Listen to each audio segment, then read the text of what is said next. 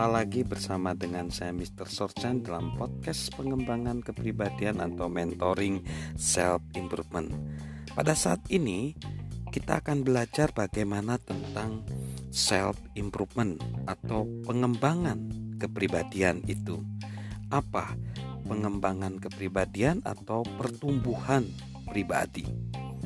Nah, di dalam kehidupan ini sering kali orang berpikir bahwa Seiring berjalannya waktu, maka pengetahuan dan pengalaman akan didapat. Tetapi saya rasa itu tidak sepenuhnya benar. Kadangkala waktu berlalu tanpa disertai hadirnya pengetahuan dan pengalaman.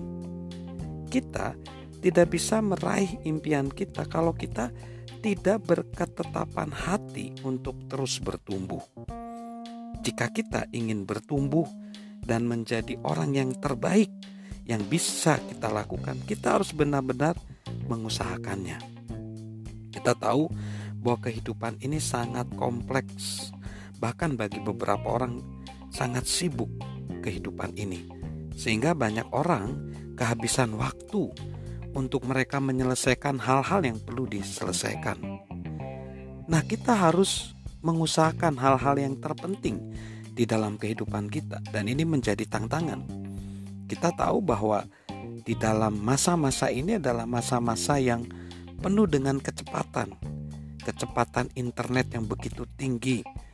Data-data yang masuk ke dalam pikiran kita, ke dalam mobile phone kita, ke dalam handphone kita sangat begitu banyak. Informasi itu begitu banyak. Bahkan ada seseorang mengatakan bahwa hanya dalam satu edisi mingguan saja dari sebuah koran itu bisa menyangkut adalah sepanjang hidup orang di abad ke-17.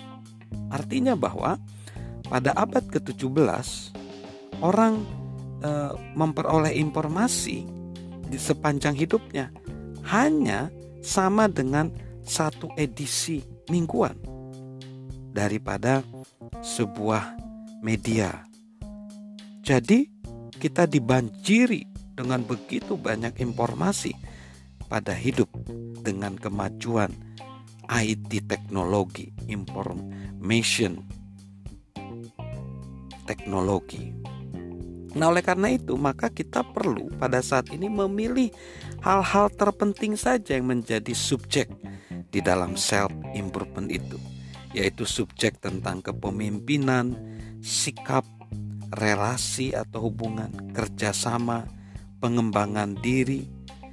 Itu yang akan kita pelajari pada saat ini, pada segmen itu. Ini yaitu bagaimana kita mau mengembangkan diri kita, menumbuhkan diri kita. Kita akan ikuti pada segmen-segmen selanjutnya. Salam sukses luar biasa dari saya Mr. Sorjan.